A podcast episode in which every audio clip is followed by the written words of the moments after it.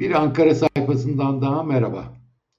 E, piyasalar açısından güzel bir haftayı, çok çok fazla iyi haberin olduğu bir haftayı geride bıraktık. Yılbaşı yaklaşırken e, piyasalar e, bayağı bir e, kış aylarında bahar havası yaşamaya başladılar diyebiliriz. E, doğal olarak da biraz abartılı yaşanıyor tabii. E, bu gelinen noktada e, olumlu işaretler neler onlara bakacağız. Ama asıl bundan sonrasında ne olacak ona bakacağız. Niye böyle oldu? E, bundan sonrasında ne olacak? Ve asıl e, hikayede seçim sonrasında asıl olarak e, bu sürdürülebilecek mi? E, ona bakacağız. E, başlayalım. Çok fazla iyi haber var gerçekten. CDS primleri 300'ün altına indi. E, Türkiye'nin risk primi. Rezervlerde belirgin bir artış başladı. Geçtiğimiz hafta içerisinde iyice belirginleşmeye başladı. Yine tahvile e, giriş başladı. Bunu bariz olarak görmeye başladık. E, hisse senetleri fiyatları artıyor. Bütçe önemli bir şeydi. Bütçe Kasım'da fazla verdi. E, 11 aylık olarak baktığınızda çok yüksek bir bütçe açığı var ama Kasım'da e, disiplinin sağlandığı görülüyor. Tabii ki e, Temmuz'daki vergi artışları çok fazla gelir kazancına, enflasyon da etkisiyle neden oldu ve bütçede e, fazla verildi. Enflasyon beklentileri belki en önemli e, ekonomi yönetimini sevindirecek haberlerden biri. Enflasyon beklentileri gerilemiş gibi görünüyor son çıkan verilerde. Yine ekonomi yönetiminin istediği biçimde konut satışlarının Kasım'da gerilediğini görüyoruz. Bununla ilgili gelişmeler, rakamlar ortaya çıkmaya başladı. Bir tek otomobilde hala kampanyalar nedeniyle şey var, biraz canlılık ama yıl sonundan itibaren e, yeni yılla birlikte gerileyeceği e, aşikar gibi gözüküyor. İç talebin kısılması konusunda, cari açığın düzeltilmesi konusunda ekonomi yönetimine iyi haberler bunlar. Sonuç olarak baktığımız zaman Mehmet Şimşek sonunda muradına erdi ve o çok istediği fon akışlarını getirmeye başladı. Ee, bunun e, nedenlerini konuşacağız dediğim gibi ama asıl olarak bundan sonra ne olacak? Onu konuşmaya çalışacağız çünkü onun zamanı gelmeye başladı. Faiz indirimleri de dahil e, önümüzdeki yıl ne olacağına ilişkin konuşmaya başlama zamanı geldi. Doğrudan yatırım gelecek mi? Bunlar belli değil. Sıcak para nasıl tutulacak? Girişler nasıl devam ettirilecek? Yapısal dönüşüm olacak mı? Enflasyon diyelim ki %30'ların altına 20'li rakamlara indi. 20'nin altına indirmek 2026'da tekan ediyorlar. Bu kararlarla olmayacağı açık. Başka ne yapacak? Yani Mehmet Şimşek'in özetle söylemek istediğimiz asıl sınavlarından biri. Şimdiye kadar çok çabaladı, sıkıntılar çekti ama sonuç almaya başladı. Ama asıl sınavı seçimden sonra başlayacak. Cumhurbaşkanı Erdoğan'ı neye ikna edecek? Gerekenlerin yapılmasına izin alabilecek mi ve yapabilecek mi? Riskler neler? Onları konuşacağız. Şimşek sonuç aldı ama bunun ıı, en büyük nedenlerinden biri tabii ki yüksek faiz. Yani geçtiğimiz ay 2,5 puanlık artış beklenirken 5 puanlık artış e, piyasaya olumlu şok verdi. E, Merkez Bankası'nın açıklamasına göre piyasalar e, bu yabancılar da bunu artık e, söylüyorlar. Morgan'ın son bir rapor vardı. E, Aralık'ta 2,5 puan, Ocak'ta da 2,5 puan yapacak diye. Beklentilere baktığımız zaman e, 2,5 puanın e, Aralık'ta yapılması kesin gibi gözüküyor. Merkez Bankası'ndan yola çıkarak. E, şeye Ocak ayı için ise 1,5-2 puanlık bir artış e, şu anda gözüküyor ama e, onun da 2,5 puanı olması kaçınılmaz gibi olacak. Çünkü e, Ocak ayında verilecek maaş zamlarından sonra iç talebin e, yeniden genişlemesine izin vermemek için Ocak'ta bir iki buçuk puanlık artış daha olması bekleniyor. Sonra Şubat Mart'ta e, duracak. Orası şu andaki beklenti o. Ama tepe noktası 45 olacak. Artık bu konuda e, bütün e, herkesin beklentisi e, aynı gibi görülüyor. E, ama e, 40'a düştüğü zaman e, yani 45'e çıktığı zaman bir reel faiz vermiş olacağız. Çünkü beklentiler de düştüğü için bu reel faizi vermiş olacak. Ama faiz artışları kadar dış etkilerde son iyimserlik havasında bayağı etkili olduğunu söyleyebiliriz. Özellikle son FED kararı ve sonrasında yapılan güvercin denilen e, açıklamalar sonrasında bütün piyasalarda özellikle gelişmekte olan piyasalarda bir iyimserlik havası oldu. Yani CDS primi 300'ün altına düştü ama bütün gelişmekte olan ülkelerin CDS primleri düştü. Bunu unutmamak gerekiyor. Yani biz sırf faiz arttı diye bu olumlu gelişmeler kaydedilmiş değil. Sıcak para girişi de aynı biçimde. 10 yıllık tahvillere baktığınız zaman daha Ekim'in sonlarına doğru 4.96 idi Amerikan tahvil faizleri. Ee, en son nokta benim baktığımda 3.91'e kadar gerilemiş durumda. Ee, piyasalar e, her ne kadar e, FED e, guvernörlerinin nokta şeylerine e, üzerinde bir iyimserlik taşıyorlar. Yani 5-6 kez 2024'te faiz indirimi yapılacağını bile e, gösteriyor e, piyasaların beklentileri. E, hem içeride hem dışarıda abartılı bir iyimserlik olduğunu açıkça söylemeliyiz. E, ve dışarının bu aşırı iyimserliği de bize gelen fon akışını çok önemli ölçüde etkilemiş gibi görünüyor. Yani son dönemdeki fon girişlerinde dış etki çok büyük. Çünkü dışarıda gevşeme başlıyor parasal koşullarda. Bizde faiz artışları devam ediyor. İkisini bir araya getirdiğimiz zaman e, bu girişte normal gibi gözüküyor. Yani Mehmet Şimşek'e sevindiren haberler geldi ama bunların içerisinde hem içeride yaptıkları var hem de dışarıdan gelen iyi haberler var. O sayede bu gelişmeyi sağladı diyebiliriz. E, rezervler iyileşti, iyileşmeye devam ediyor. Ekim ortası itibariyle 13 Aralık e, baktığımız zaman swap hariç e, kamu dahil net rezervlere baktığımız zaman eksi 65 milyar dolardan e, eksi 51 milyar dolara kadar iyileşti. Yani 14 milyar dolarlık bir iyileşme söz konusu döviz rezervlerinde. Bu tabii moralleri düzeltilen başka bir şey. E, ekonomi yönetiminde moralini düzeltilen bir şey.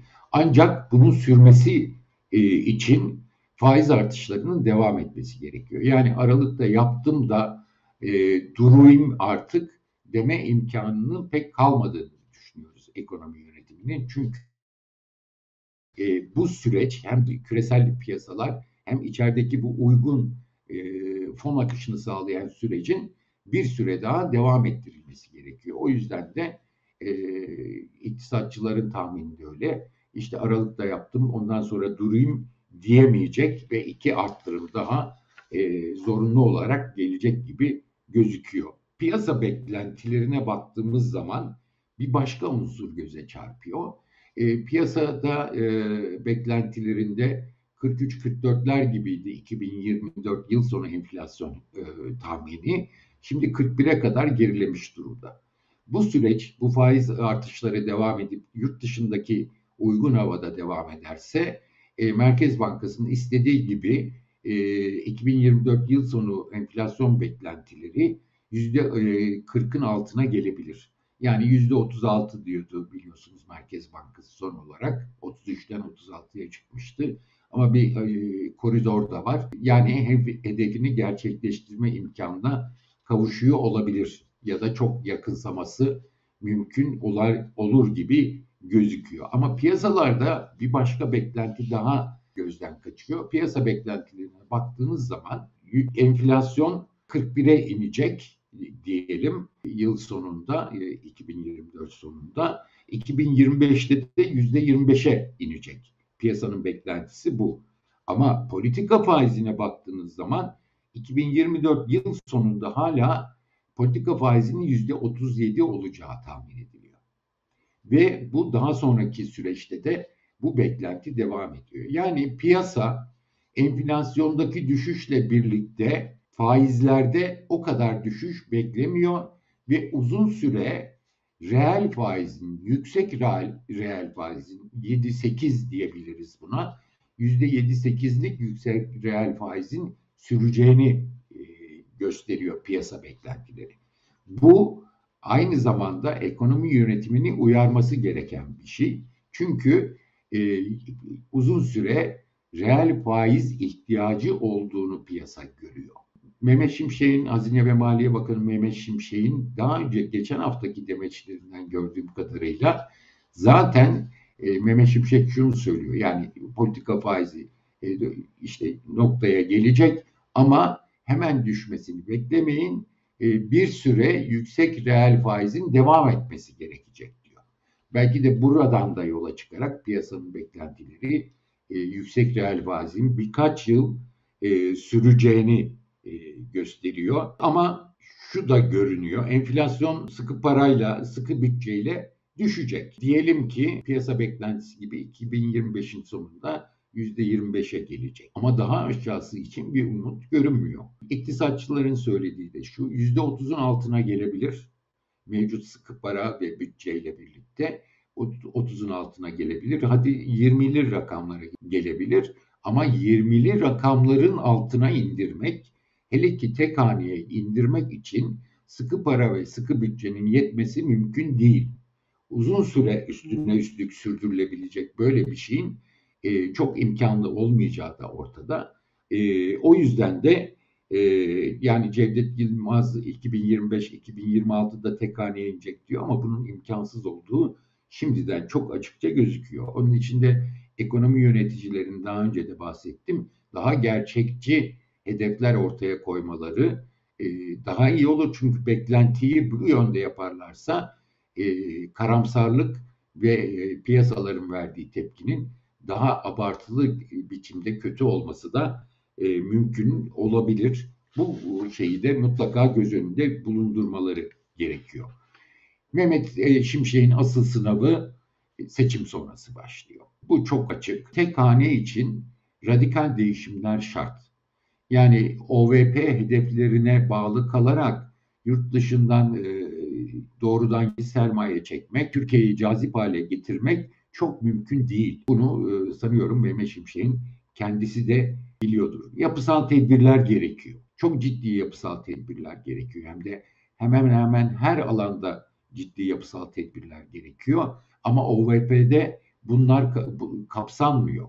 Üstüne üstlük OVP'de yazılı olsa bile güven yok. Yani mevcut siyasi e, idare, idari sistem, mevcut cumhurbaşkanlığı, hükümet sistemi bunun için güven vermeye müsait değil. Üstüne üstlük de tek otorite olan kişinin şimdiye kadar ekonomide rasyonel kararlar almak konusunda ki sicilin o kadar iyi olmadığını da çok açık biçimde görüyoruz. Bunun için de ister istemez güven verilecek önlemlerin ortaya çıkması lazım. Yani e, bir başka açıdan söyleyecek olursak Türkiye'de ekonomide rasyonel kararların alınacağına ilişkin kurumsal yapının kurulması gerekiyor. Cumhurbaşkanlığı böyle bir yapının kurulmasına mevcut idari sistem izin vermiyor. O zaman mesela Merkez Bankası bağımsızlığı gibi e, bu tür kurumsal yapıyı oluşturacak TÜİK bağımsızlığı gibi konularda adım atılması gerekiyor. Ama hiç kimse de Cumhurbaşkanı Erdoğan'ın böyle bir adım atacağına inanmıyor. O yüzden de zaten IMF tartışılıyor açıkçası. IMF'in e, seçimlerden sonra IMF'le bir anlaşma yapılması, resmi standby anlaşması ille olması gerekmiyor ama IMF'in onay vereceği en azından bir anlaşmanın yapılması mümkün gibi gözüküyor. Çünkü güven açığı var ve bu güven açığını kapatmak için mutlaka çıpalara ihtiyaç var. Türkiye mevcut yapısıyla ekonomisini düzeltip enflasyonunu tek haneye indirecek e, çıpalara sahip değil. Üstüne üstlük handikaplar çok daha fazla. İstikrarsızlık için e, handikaplar çok fazla. Yani Türkiye'nin orta vadeli ekonomik hedeflerini düşünecek günlük politikalar, günlük e, oy kaygıları nedeniyle e, siyasetçinin, politikacının her türlü şeyi tersine çevirme, istikrarsızlık yaratmasının önüne geçecek bir kurumsal yapının oluşturulması lazım. Mevcut idari sistemde bunun olamayacağı için de belki IMF ile bunun yapılabileceği konusunda e, ciddi tartışmalar olacak ve seçimden sonra bunun artacağını, bu tartışmaların artacağını söyleyebiliriz. Eğer güven olabilseydi, kurumsal yapı rasyonel ekonomi politikaları için uygun olsaydı, bazı iktisatçıların dediği gibi IMF'e falan ihtiyaç olmazdı. Yani mevcut e, rasyonel politikalar e, son 4-5 ayda olduğu gibi devam eder. E, artı yabancı yatırımcı ama doğrudan sermaye için güven verilebilirse bu iş olabilirdi. Şimdi sıcak parayla birlikte bir başka tartışma konusu var. Yani Berat Albayrak'tan önce, Rahip Bronson krizinden önce para, e, yabancı kısa vadeli fonlar çok yüksekti. Ama e, diplomaside hata yapıldı, dış politikada hata yapıldı ve bunun bedelini gördük. Şimdi peki Cumhurbaşkanı Erdoğan buna razı olacak mı? Eskiden Berat Albayrak dönemine girilmesine razı olacak mı? Bu gelen sıcak para, dış borçlanma da çok artıyor. Onu da göz ardı etmeyelim. Son bir yıl ödenecek, e, son önümüzdeki bir yıl içerisinde ödenecek olan 220 milyar dolara kadar çıktı. Yani cari açık ne kadar olacak bilmiyoruz. E, orada bir iyileşme tabii ki bekleniyor. Ama orada da kur e, sıkıntısı var. Onunla birlikte bu tür bir borç ödemesi bu politikaların sürekli olmasını beraberinde getiriyor.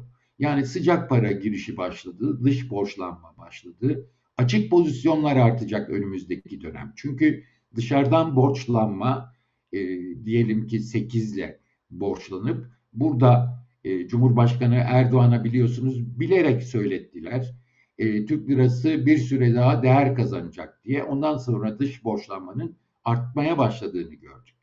Oradan bir güvence verdiler. E, bu önümüzdeki dönem küresel e, koşullarda iyileşmeye yani faizler dışarıda inmeye devam ederse, içeride de Türk lirası değerlenmeye devam ederse dış borçlanma cazip hale gelecek. Şu anda çok fazla e, oranlar o kadar cazip olmadığını gösteriyor ama önümüzdeki dönem için yeniden cazip hale gelecek.